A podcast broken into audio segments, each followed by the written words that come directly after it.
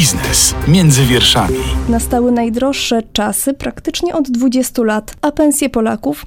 No właśnie, ciekawa jestem, czy dostali Państwo jakąś podwyżkę inflacyjną. To właśnie wynagrodzenia są tematem dzisiejszego podcastu Biznes między wierszami. Ja nazywam się Katarzyna Witwicka, a moim i Państwa gościem jest Piotr Szumlewicz ze Związkowej Alternatywy. Dzień dobry. Dzień dobry, witam. Na co dzień staje Pan w obronie pracowników i stąd moje pierwsze pytanie, jak Pana zdaniem właśnie w dobie rekordowej inflacji radzą sobie pracownicy budżetówki i nie tylko. No cóż, westchnąłem na początek, bo radzą sobie słabo.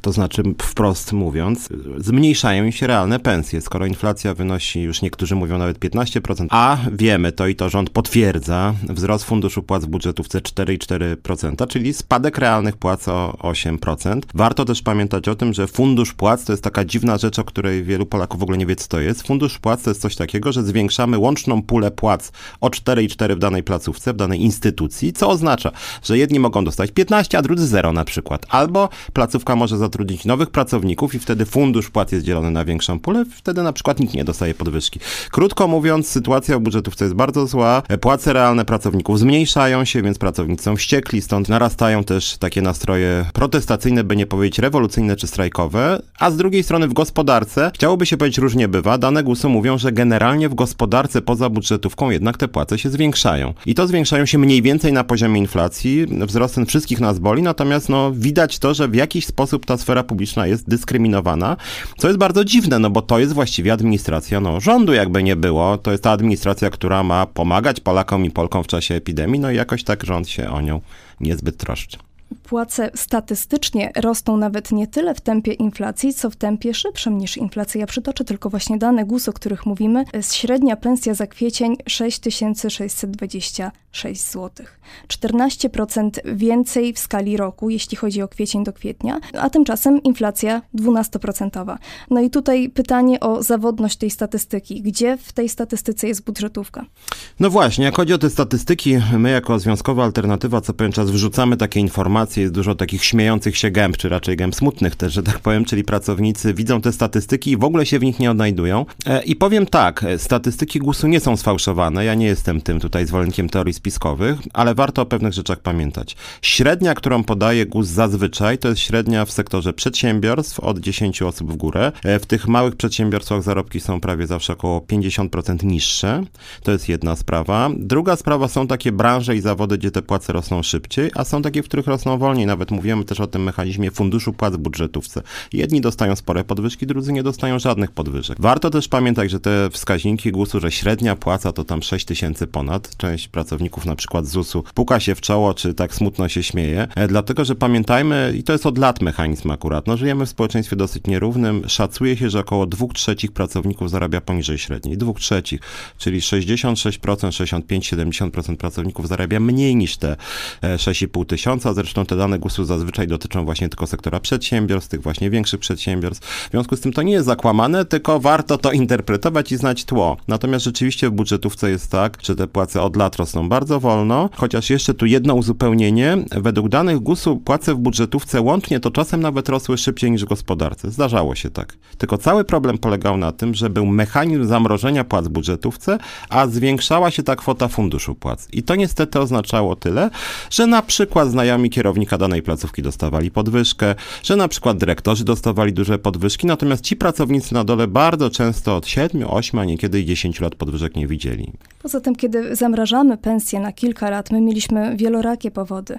Pandemia, teraz pewnie też różne wydatki budżetowe w związku z wojną na wschodzie. To jeśli się zamraża te pensje na lata, a potem się je odmrozi, no to rzeczywiście widać szok i można się chwalić rzeczywiście hojną podwyżką.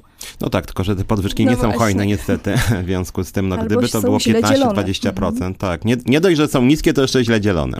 Donald Tusk nie bez powodu, jak sądzę, zaproponował, żeby budżetówka zarabiała 20% więcej. Czy to jest realna propozycja? Jak najbardziej tak. Ja tu nie chcę jakoś się odnosić tak bardzo do Donalda Tuska. Rząd, zarządów Platformy płace w budżetówce były no, generalnie zamrożone co do zasady. Ja bym też się obawiał tego, że jakby Donald Tusk doszedł do władzy i by na przykład podniósł o 20%, my byśmy oczywiście jako związek byli bardzo wdzięczni. Natomiast my byśmy chcieli, żeby był jakiś mechanizm, tak? Czyli podnosimy na przykład jednorazowo, e, my nawet w ZUS-ie chcemy 60% podwyżki, tam te zarobki są często na granicach płacy minimalnej, minimalnej. Natomiast później, po tym skokowym, powiedzmy, podwyższeniu, wprowadzamy pewien mechanizm podwyżki, tak? Natomiast Tusk tak trochę rzucił te 20% i później co? No nie wiem, przejmie władzę i my po dwóch latach zaraz, panie premierze, ale chcielibyśmy jednak, żeby to tak rosło regularnie, a nie, że jednorazowo pan nam da 20%. Więc tu jest na pewno potrzebny jakiś mechanizm e, na lata. To jest jedna sprawa. Druga sprawa, powiem tak, jest inflacja oczywiście. Niektórzy ekonomiści, no nawet pan premier Morawiecki mówi, że prawda, żądanie podwyżki płac budżetówce to jest podkręcanie inflacji. Powiem tak, wszystkim prawie rośnie, jednak w sektorze prywatnym. Pani sama powiedziała, ta średni wzrost płac jest wyższy nawet niż poziom inflacji, więc teraz pytanie, czy, dlaczego pracownicy budżetówki mają być tymi, prawda, cierpiącymi? Wszystkim ma rosnąć, a akurat pracownikom budżetówki nie. E, my jako Związkowa Alternatywa jesteśmy za tym, żeby w tym roku podwyżka płac w budżetówce była co najmniej 20%, ale nie tylko nawet dlatego, że e, te płace od lat pozostają niskie. E, że spada prestiż różnych zawodów. Na przykład w skarbówce są takie miasta, w których ludzie nie zgłaszają się do pracy, na przykład w Warszawie, bo są za niskie te pensje. Są niekonkurencyjne no, po prostu. Pensja na dzień dobry pewnie w granicach minimalnej. Tak, tak. W związku z tym no, ludzie też po prostu no, mają bardziej atrakcyjniejsze formy zatrudnienia, co jest smutne, no bo służba cywilna powinna być bardzo e, prestiżowa. Natomiast my używamy jeszcze jednego bardzo ważnego argumentu. Żyjemy cały czas w dobie epidemii. Przez dwa lata ta epidemia no, zabijała na masową skalę i rzeczywiście w dużej mierze wyznaczała nam życie. To były nowe obowiązki, obowiązki dla służb publicznych. To było wielkie wyzwanie dla państwa. Teraz mamy wojnę. Znowuż to samo. To jest wielkie wyzwanie dla państwa. Mamy setki tysięcy uchodźców z Ukrainy. To są wielkie wyzwania dla polskiego państwa właśnie. Dla skarbówki, dla ZUS-u, dla pracowników socjalnych, dla szkolnictwa, ochrona zdrowia można długo wymieniać. I naszym zdaniem jest bardzo niezdrowa sytuacja i tutaj rzeczywiście bardzo mocno oskarżamy rząd, że pracownicy budżetówki, wielu zawodów budżetówki dostaje mnóstwo nowych obowiązków. Funkcjonowanie państwa właściwie spoczywa na budżetówce tymczasem no profitów finansowych nie ma. I rzeczywiście na przykład pracownicy skarbówki byli bardzo oburzeni, by nie powiedzieć wściekli, że rząd wprowadzał kolejne rozwiązania zwane Polskim Ładem. Wiemy, że to był potworny bałagan. E, kolejni ministrowie tam się zgłaszali, że prawda, my tu mamy jakieś coś, co wyprostuje już na pewno ten Polski Ład, a pracownicy na dole mieli to interpretować na bieżąco, mieli tłumaczyć podatnikom, mieli się tłumaczyć. Często to było, no cóż, wysłuchiwanie różnych niecenzuralnych słów ze strony podatników e, i nie dość, że była źle przygotowana ustawa, e, to ona właśnie obciążyła tych pracowników na dole i oni nie dostali za to żadnej gratyfikacji finansowej. Tak się nie robi. To jest lekceważenie urzędników państwowych. Przybliżmy tą perspektywę pracy w budżetówce. Weźmy na przykład pod uwagę skarbówkę albo ZUS. Mamy taką sytuację, że pracując u tak zwanego prywaciarza, podpisując umowę, powiedzmy, że mamy możliwość elastycznego kreowania warunków tej umowy. My mamy listę obowiązków, kiedy pracodawca, o ile jesteśmy zatrudnieni na etacie, nie wywiązuje się z tej właśnie listy, z tych postanowień umownych, no to mamy prawo o swoje prawa właśnie zabiegać. W przypadku budżetówki może być różnie. Pan podał przykład skarbówki. Jeszcze był znany przykład pracowników ZUS-u, którzy też dostali nowe zadania pod postacią właśnie 500, które zmieniło operatora, tak to nazwijmy, z gmin na y, właśnie urzędy, na ZUS, czy nawet nowe świadczenia, przykład rodzinny kapitał opiekuńczy. To tak, są dodatkowe obowiązki, które no wątpię, żeby wiązały się z jakąś zmianą w umowie. No właśnie, mówiłem trochę o skarbówce, może warto e, trochę też więcej powiedzieć o ZUS-ie. Sprawa Zakładu Ubezpieczeń Społecznych jest dla nas o tyle bolesna, że właśnie pani prezes Uścińska postanowiła zwolnić dyscyplinarnie naszą liderkę Ilonę Garczyńską. Natomiast to, co pani powiedziała odnośnie pracowników ZUS-u. W ZUS-ie zarobki od lat są bardzo niskie, one są jeszcze niższe niż w skarbówce. E, na start to często jest kwota płaca minimalna plus 50-100 zł i pani prezes później mówi, że mało jest tych, co zarabiają płacę minimalną. Owszem, ale tych, co zarabiają płacę minimalną plus 100 zł już jest naprawdę bardzo dużo. E, Obowiązków jest coraz więcej. Tu oczywiście pracownicy byli bardzo zbulwersowani, kiedy pani prezes Zakładu Ubezpieczeń Społecznych, właśnie Gertruda Uścińska, powiedziała, że program Rodzina 500 Plus będzie obsługiwany przez 50 osób. Na Teraz pewno... powstają pytania, czy my mamy tak sprawną automatyzację, że 50 osób na cały kraj? No i właśnie, i mhm. teraz, i teraz to, co wkurza pracowników ZUS-u, to jest to, że co pewien czas pani prezes e, Uścińska i również rzecznik ZUS-u, pan Żebrowski, mówią, że automaty obsługują wiele ważnych zadań ZUS-u. No to pracownicy mówią, no to może my zastrajkujemy, to zobaczymy, czy automaty będą rzeczywiście obsługiwać wszystko tak bardzo sprawnie. Jeden ten przykład y, programu Rodzina 500. Program Rodzina 500 dotyczy kilku milionów polskich rodzin 7 milionów dzieci. Są sytuacje, kiedy na przykład jeden z rodziców wyprowadza się za granicę, kiedy dochodzi do rozstania, rozwodu, czasem sprawy rozwodowe się ciągną i nie ma rozwodu, natomiast jedna ze stron, jeden z rodziców, opiekunów wyjeżdża za granicę, przestaje zajmować się dzieckiem. Ktoś musi weryfikować, czy pieniądze idą na dobre konto. Dotychczas było tak, że weryfikacją programu zajmowały się, zajmowali się pracownicy socjalni, których około 10 tysięcy obsługiwało program Rodzina 500+. Pani Uścińska twierdzi, że w miejsce 10 tysięcy pracowników socjalnych, którzy nadzorowali, czy ten pieniądz na przykład idzie na dobre konto, 50 osób plus nie wiem, automaty tak zwane, bliżej nieokreślone, programy komputerowe, krótko mówiąc. No śmiem wątpić, jeżeli rzeczywiście jest tak, a jest tak, też dane GUS-u to potwierdzają, że polskie rodziny są coraz bardziej liberalne, nazwijmy to, przynajmniej elastyczne, te formy rodzinności się zmieniają. Ludzie się rozwodzą, wchodzą w nowe relacje, zmieniają się różne formy opieki naprzemiennej są. W związku z tym świadczenie, które jest celowane na dzieci, no to potrzebna jest weryfikacja. Tutaj potrzebne są osoby, które pracują z tymi rodzinami nawet, tak? Więc my sobie w ogóle jako związek, mówię teraz ekspercko nawet, nie wyobrażamy sobie, żeby 50 czy nawet 500 osób miało obsługiwać ten program. Krótko mówiąc, oczywiście nie jest tak, że obsługuje go 50 osób. Obsługują setki, tysiące pracowników ZUS-u, którzy otrzymują nowe obowiązki za tą samą pensję. I to jest też oburzenie pracowników ZUS-u, że dostają nowe kompetencje, nowe obowiązki e, w 2020 roku skądinąd jeszcze przed przed przejęciem przez ZUS programu Rodzina 500+, milion 600 tysięcy nadgodzin pracowników ZUS, strasznie To były dużo. tarcze antykryzysowe. Strasznie mhm. dużo. Właśnie, jeszcze tarcze były antykryzysowe, teraz dochodzą wspomniani przeze mnie uchodźcy z Ukrainy. Już teraz te wydawanie PESELi e, uchodźcom z Ukrainy e, to była łapanka właściwie, a to ZUS-u, a to z KAS-u, a to jeszcze z jakiejś innej instytucji. I proszę bardzo, to jest rzeczywiście sytuacja nadzwyczajna, ale państwo powinno doceniać swoich pracowników, powinno na przykład wypłacać im nawet jakiś dodatek 2000 zł za nowy obowiązek, czy najlepiej, bo tak w państwie prawa się robi podwyżka pensji na przykład o 500 czy 1000 zł, a konto wykonywania nowych obowiązków. Natomiast nic takiego nie ma miejsca. Pracownicy e, otrzymali tylko propozycję wzrostu funduszu płac o 4,4, który to na dodatek jeszcze w wielu instytucjach w ogóle jeszcze nie wszedł w życie. To jest niesamowite. Mamy początek czerwca, a tymczasem podwyżki, które miały wyjść 1 stycznia, jeszcze w części instytucji nie weszły w życie. W firmie prywatnej wspominanej przez pani, no jakby nie było źle w tych firmach prywatnych, prawa pracownicze są często łamane, różne elastyczne formy zatrudnienia, ale jak ludzie negocjują, czy będzie podwyżka od 1 stycznia, czy nie, to jak wynegocjują 10%, to 28 stycznia dostają już 10% wyższą pensję. Jak w budżetówce my jako związek wynegocjujemy 10%, to nagle się okazuje, że będą wypłaty z dodatkiem na przykład 14 czerwca no to w ogóle jest jakiś bardzo dziwny mechanizm, który źle świadczy o polskim państwie po prostu. W związku z tym, jak chodzi o ten ZUS, tam rzeczywiście poziom frustracji jest bardzo duży, tak ze względu na złe warunki pracy, bo rzeczywiście te pensje są bardzo niskie, bardzo dużo nadgodzin, problemy też z BHP, przestarzały sprzęt, zbliżające się wakacje, dla niektórych to jest koszmar, bo 30 stopni i więcej czasem bywa w tych e, placówkach, gdzie pracują pracownicy ZUS-u. I na dodatek jeszcze pogarda dla strony pracodawcy, te ciągłe uwagi w stylu, że automaty wszystko załatwią, że właściwie pracownicy są zbędni, że program Rodzina 500 Plus, wy nie marudźcie, bo to w końcu 50 osób e, załatwi. No to są takie rzeczy, które ludzi rzeczywiście irytują, plus jeszcze fatalna jakość dialogu społecznego. Wspominane przeze mnie zwolnienie dyscyplinarne naszej liderki za to, i to jest w uzasadnieniu ze strony zarządu ZUS-u, ze strony pani prezes Uścińskiej, zwolnienie naszej liderki dyscyplinarnie za to, że krytykowała politykę Zakładu Ubezpieczeń Społecznych wobec pracowników i zachęcała ludzi do protestu.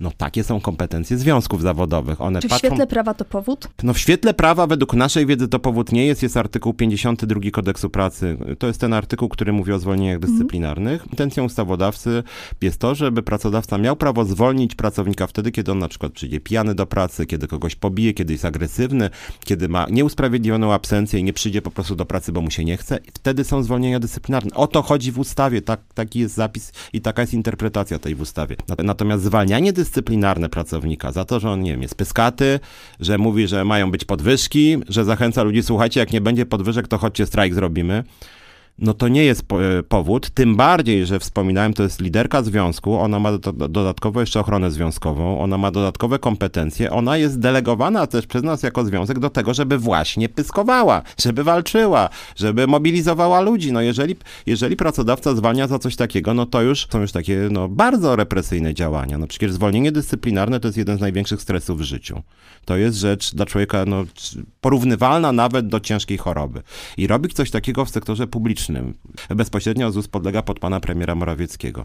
No to bardzo złe świadectwo wystawia polskiemu państwu i też no, fatalna jakość dialogu społecznego. Zamiast rozmawiać, negocjować, przekonywać pracowników, że ZUS jest no, jednostką no, bardzo ważną, zasługującą na szacunek społeczny, że ci pracownicy dużo znaczą, dużo ludziom dają, wypłacają rentę, emerytury 300 plus 500 plus wszystkie programy rządu najważniejsze, to się zwalnia dyscyplinarnie lidera za to, że on właśnie mówi, że jesteśmy ważnym, ważną instytucją, chcemy więcej zarabiać. No źle to brzmi. No i to też stawia trochę nieciekawym świetle same związki zawodowe. To też rodzi pytania o to, jaka jest moc związku zawodowego, który został powołany właśnie po to, żeby jednak chronić interesu pracownika.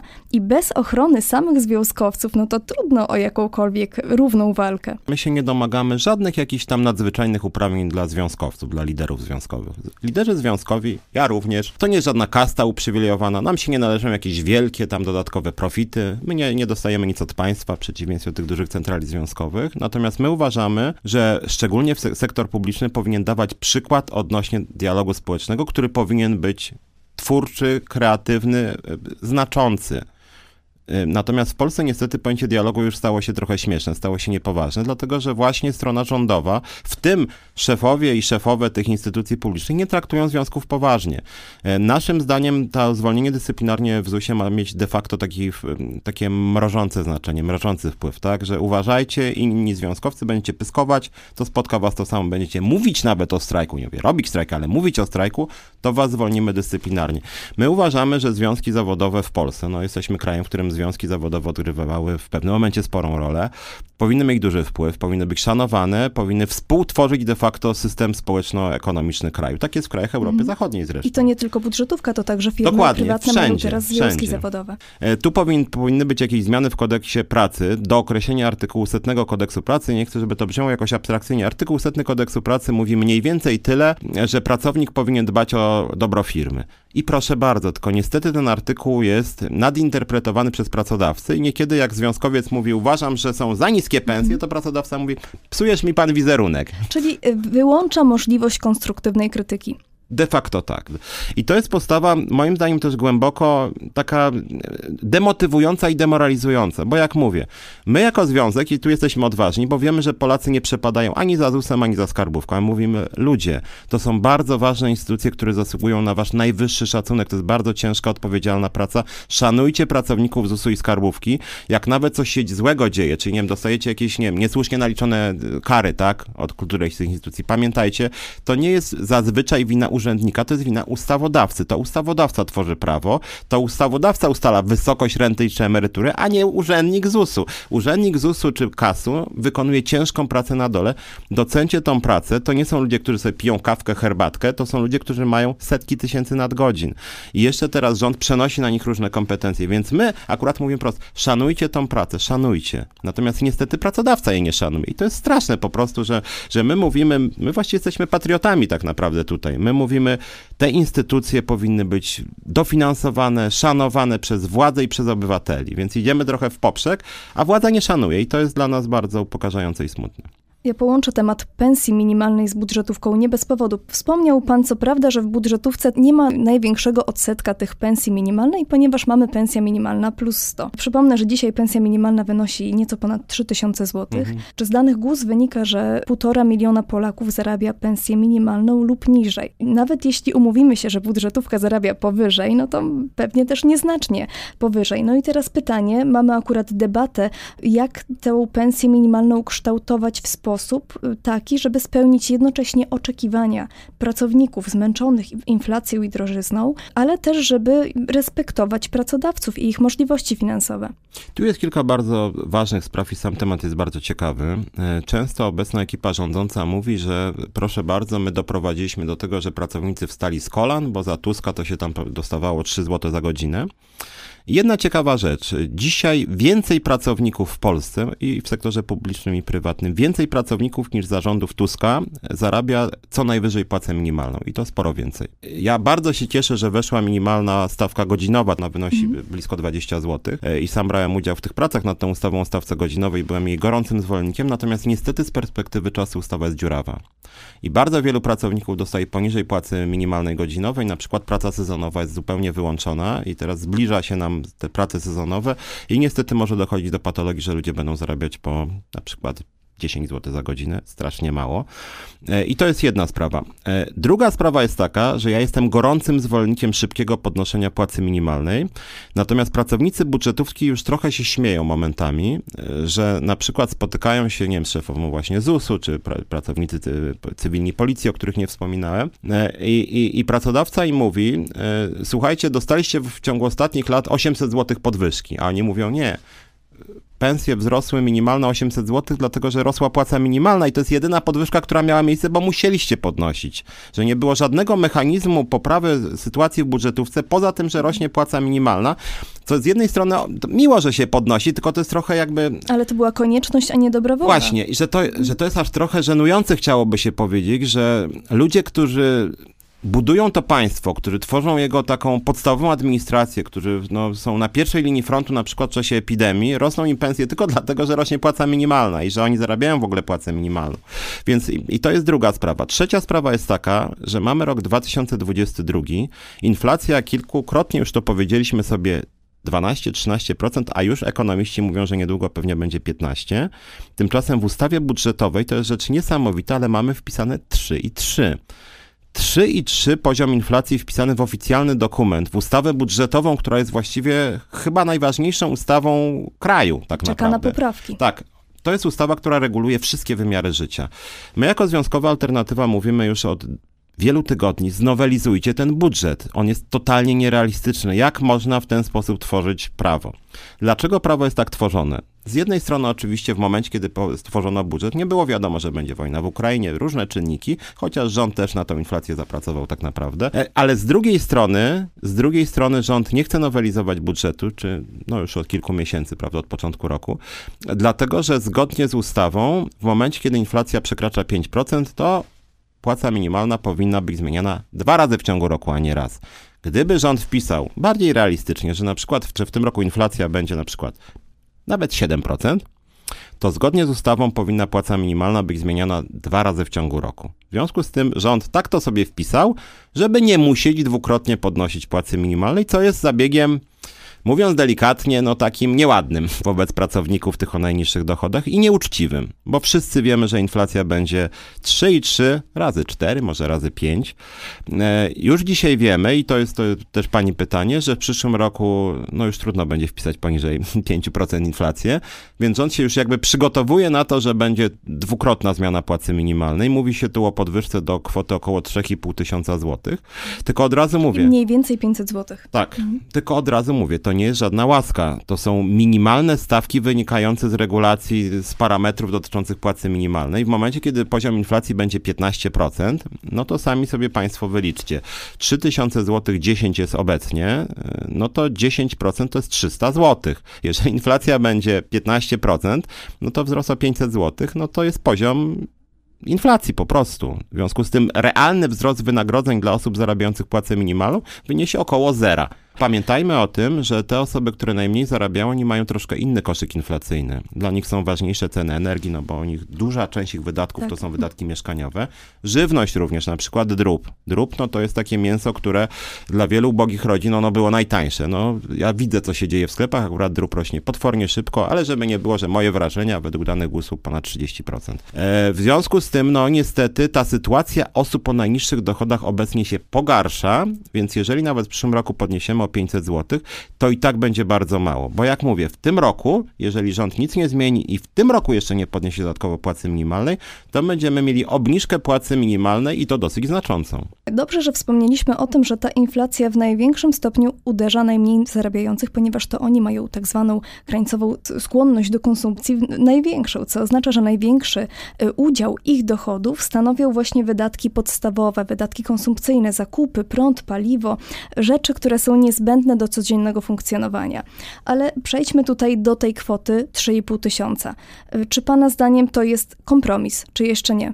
Powiem tak. Y, w tym roku y, rząd prowadzi radykalnie antypracowniczą politykę. W tym roku realne płace w budżetówce radykalnie spadają, realne płace dla osób o najniższych dochodach radykalnie spadają. Więc mamy w tym roku de facto do czynienia z poziomem, no, z takim radykalnym kryzysem dla biednych i dla pracowników budżetówki.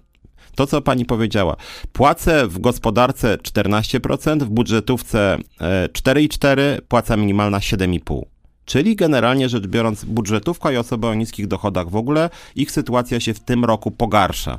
Czy w związku z tym podwyżka e, e, płacy minimalnej w przyszłym roku o jakieś 14% czy 15%, czy to będzie mm, kompromis? No można wątpić. Jeżeli w tym roku spadnie o na przykład 6 czy 7, a w przyszłym rośnie 15, to suma summarum i tak spadnie tym najniżej zarabiającym.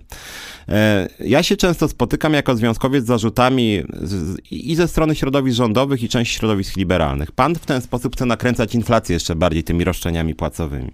Tylko ja cały czas mówię, dlaczego? Dlaczego osoby o najniższych dochodach i pracownicy budżetówki, jakże ważnej w czasach wojny za naszą wschodnią granicą, czy wcześniej w czasach epidemii, dlaczego to oni mają ponosić koszty? Dlaczego wszystkim ma się podnosić? No już nie chcę przypominać, niektórzy mówią populizm, no ale jest faktem, że posłowie podnieśli sobie o 60%.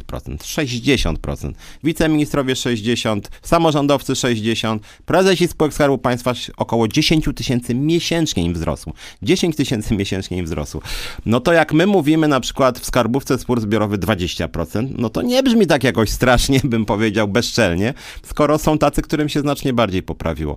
Więc wydaje mi się, wracając do pani pytania, e, że e, wydaje mi się, że jest miejsce na większy wzrost płacy minimalnej, a przede wszystkim radykalnie większy wzrost uposażenia uposażeń w budżetówce. Poproszę o to, żebyśmy sobie wyobrazili sytuację właśnie z perspektywy, załóżmy jakiegoś przedsiębiorcy, który zatrudnia do dziewięciu osób. I tutaj pytanie, czy pan jako taki przedsiębiorca, który zatrudnia pracowników, byłby tak samo skłonny wówczas do podwyższania pensji?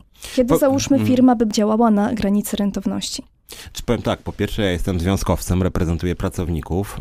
Ja mówię o właśnie hipotetycznej ja sytuacji. Wiem. Po, po, po, drugie, e, znam te dane dotyczące mikroprzedsiębiorstw, e, no i one wyglądają smutno. To znaczy smutno w tym sensie, że warunki pracy w mikroprzedsiębiorstwach w Polsce są bardzo złe. To znaczy poziom wynagrodzeń dla pracowników e, jest bardzo, bardzo niski. Średnia jest nieznacznie przekraczająca płacę minimalną, więc ja się boję pomyśleć, co otrzymują ci najgorzej zarabiający pracownicy.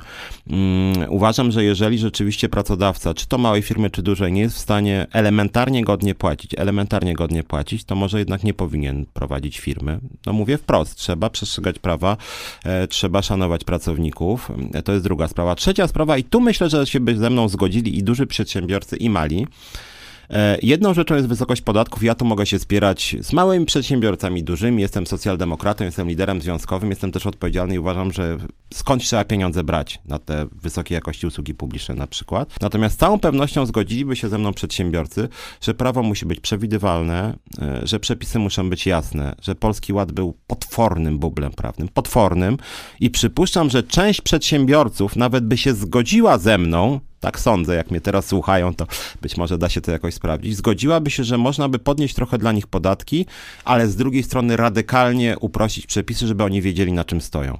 Polski Ład mówię to też mając w swoim związku już niedługo 2000 pracowników skarbówki. Pracownicy skarbówki byli wściekli, bo oni sami nie wiedzieli, jakie dostaną pensje w związku z Polskim Ładem. Sami nie, nie wiedzieli. Niestety poniekąd szykuje się powtórka z rozrywki Dokładnie tak, dokładnie tak.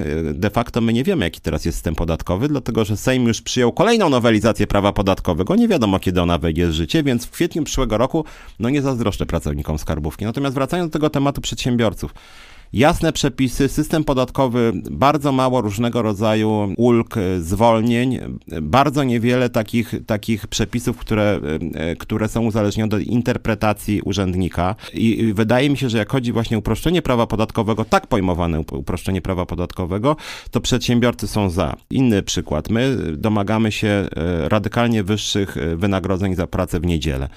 My proponujemy 2,5 za każdą pracę w niedzielę, nie tylko handel. I część pracodawców mówi, ok, my My wolimy niż jakieś dziwne, selektywne zakazy.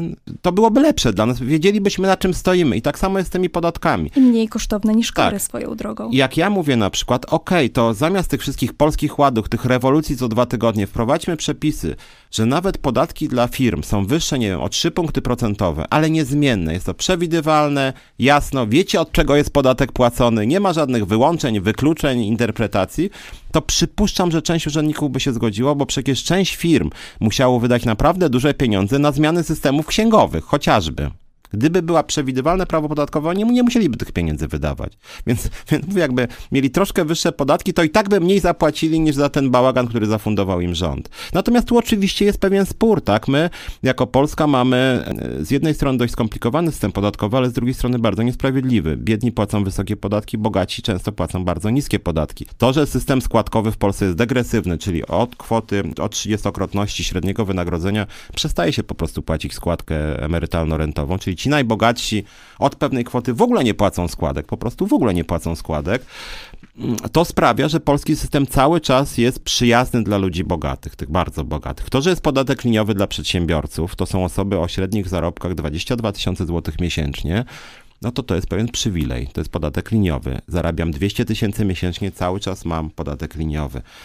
No my jesteśmy jednak za tym, żeby system był bardziej sprawiedliwy. Niech biedni płacą jednak niższe podatki, bogaci wyższe. Ale ja mówię, to już jest spór pewien ideowy. Natomiast kluczowe jest to, że jakikolwiek uczciwy i konsekwentny polityk, pracodawca, związkowiec mówi o tym, że trzeba na przykład poprawić jakość usług publicznych, muszą być źródła finansowania. Ja tu jestem odpowiedzialny, ja nie lubię jak ktoś mówi, ścinamy podatki i zwiększamy wydatki. No nie.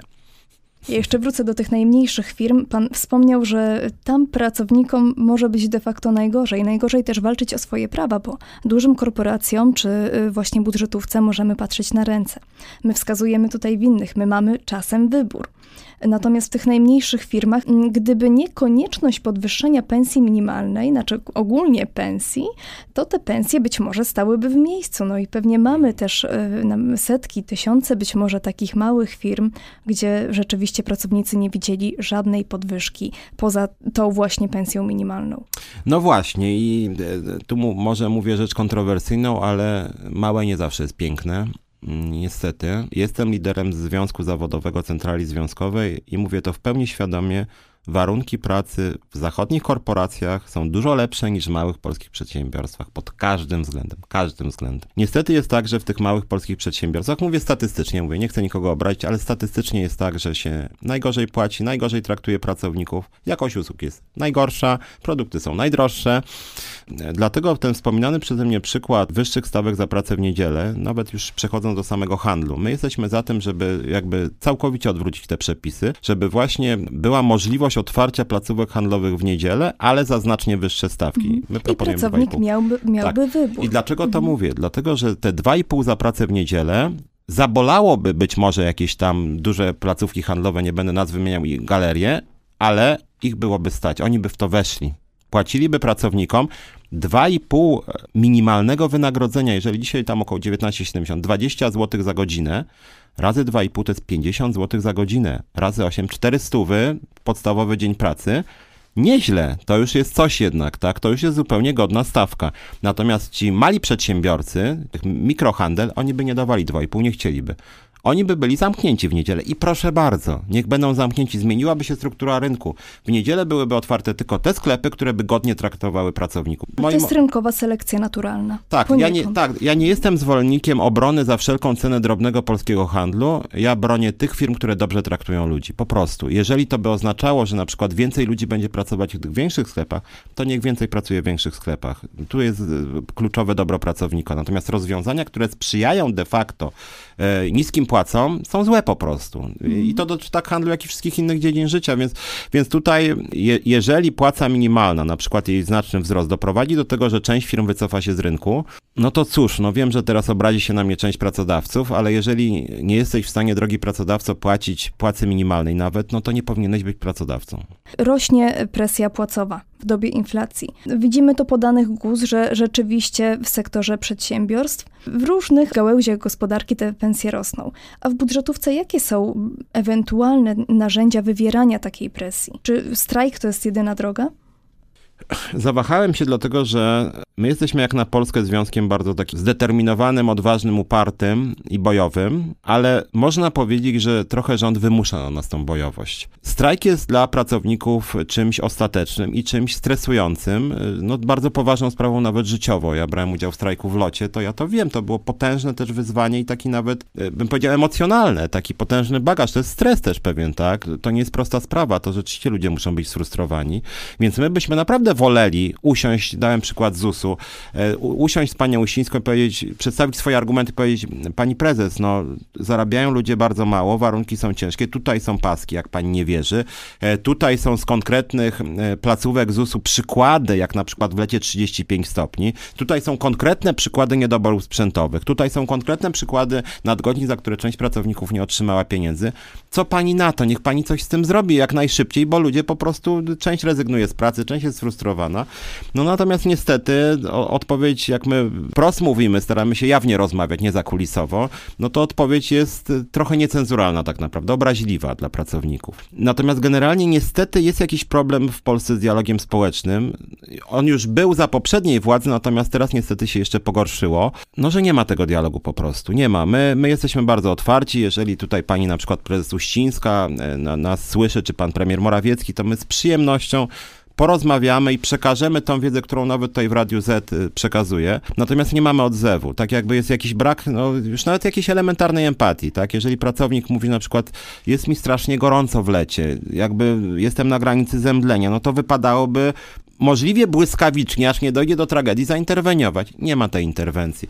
Więc coś tu jest nie tak z tym dialogiem, coś tu jest nie tak z podejściem do związków zawodowych. E, mamy takie wrażenie, że szczególnie w tym ZUS-ie to jest wręcz podejście konfrontacyjne do nas. Zresztą wśród pracowników cywilnych policji też mamy tam związek też. Już były takie ostrzeżenia, że właśnie czy my w ogóle będziemy z wami rozmawiać. Mówimy zaraz, dialog z zakładowymi związkami i też na poziomie centralnym jest obowiązkiem. To nie jest żadna łaska, że tutaj, prawda, to my się pochylimy nad wami. Obowiązek. Nie musicie nas lubić, ale rozmawiać z nami po prostu musicie też dla dobra państwa po prostu, dla dobra pracowników, dla dobra prestiżu poszczególnych instytucji.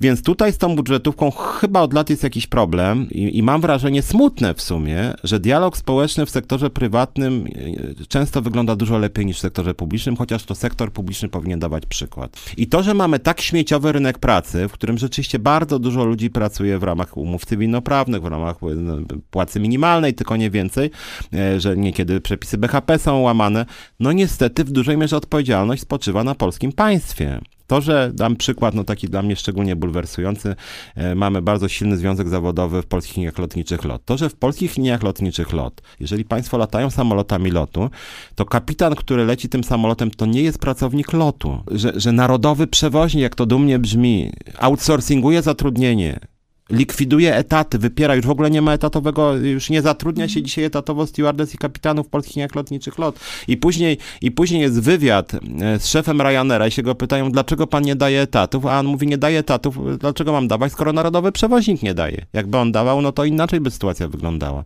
Zły przykład idzie z góry.